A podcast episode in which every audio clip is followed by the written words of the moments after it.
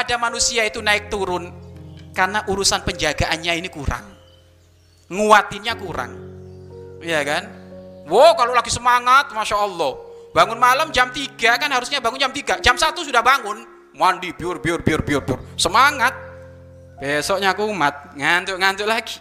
Enggak, lo kenapa kok bisa naik turun kayak gitu? Ini zikir istiqomah kepada Allah kurang, duduk dengan orang soleh kurang, ya, kemudian menghindari pertemanan yang jelek kurang, terus tidak mau dengan tipu daya setan juga kurang, akhirnya naik turun semangat itu.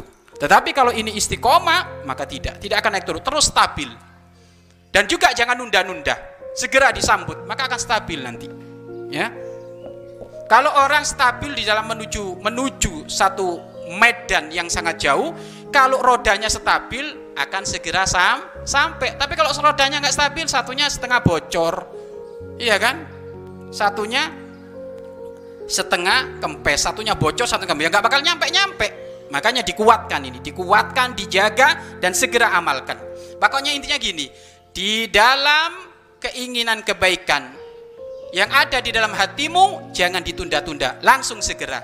Kapan kau sekarang punya keinginan baik, langsung segera amalkan agar supaya oleh Allah dikasih bisikan lagi kebaikan.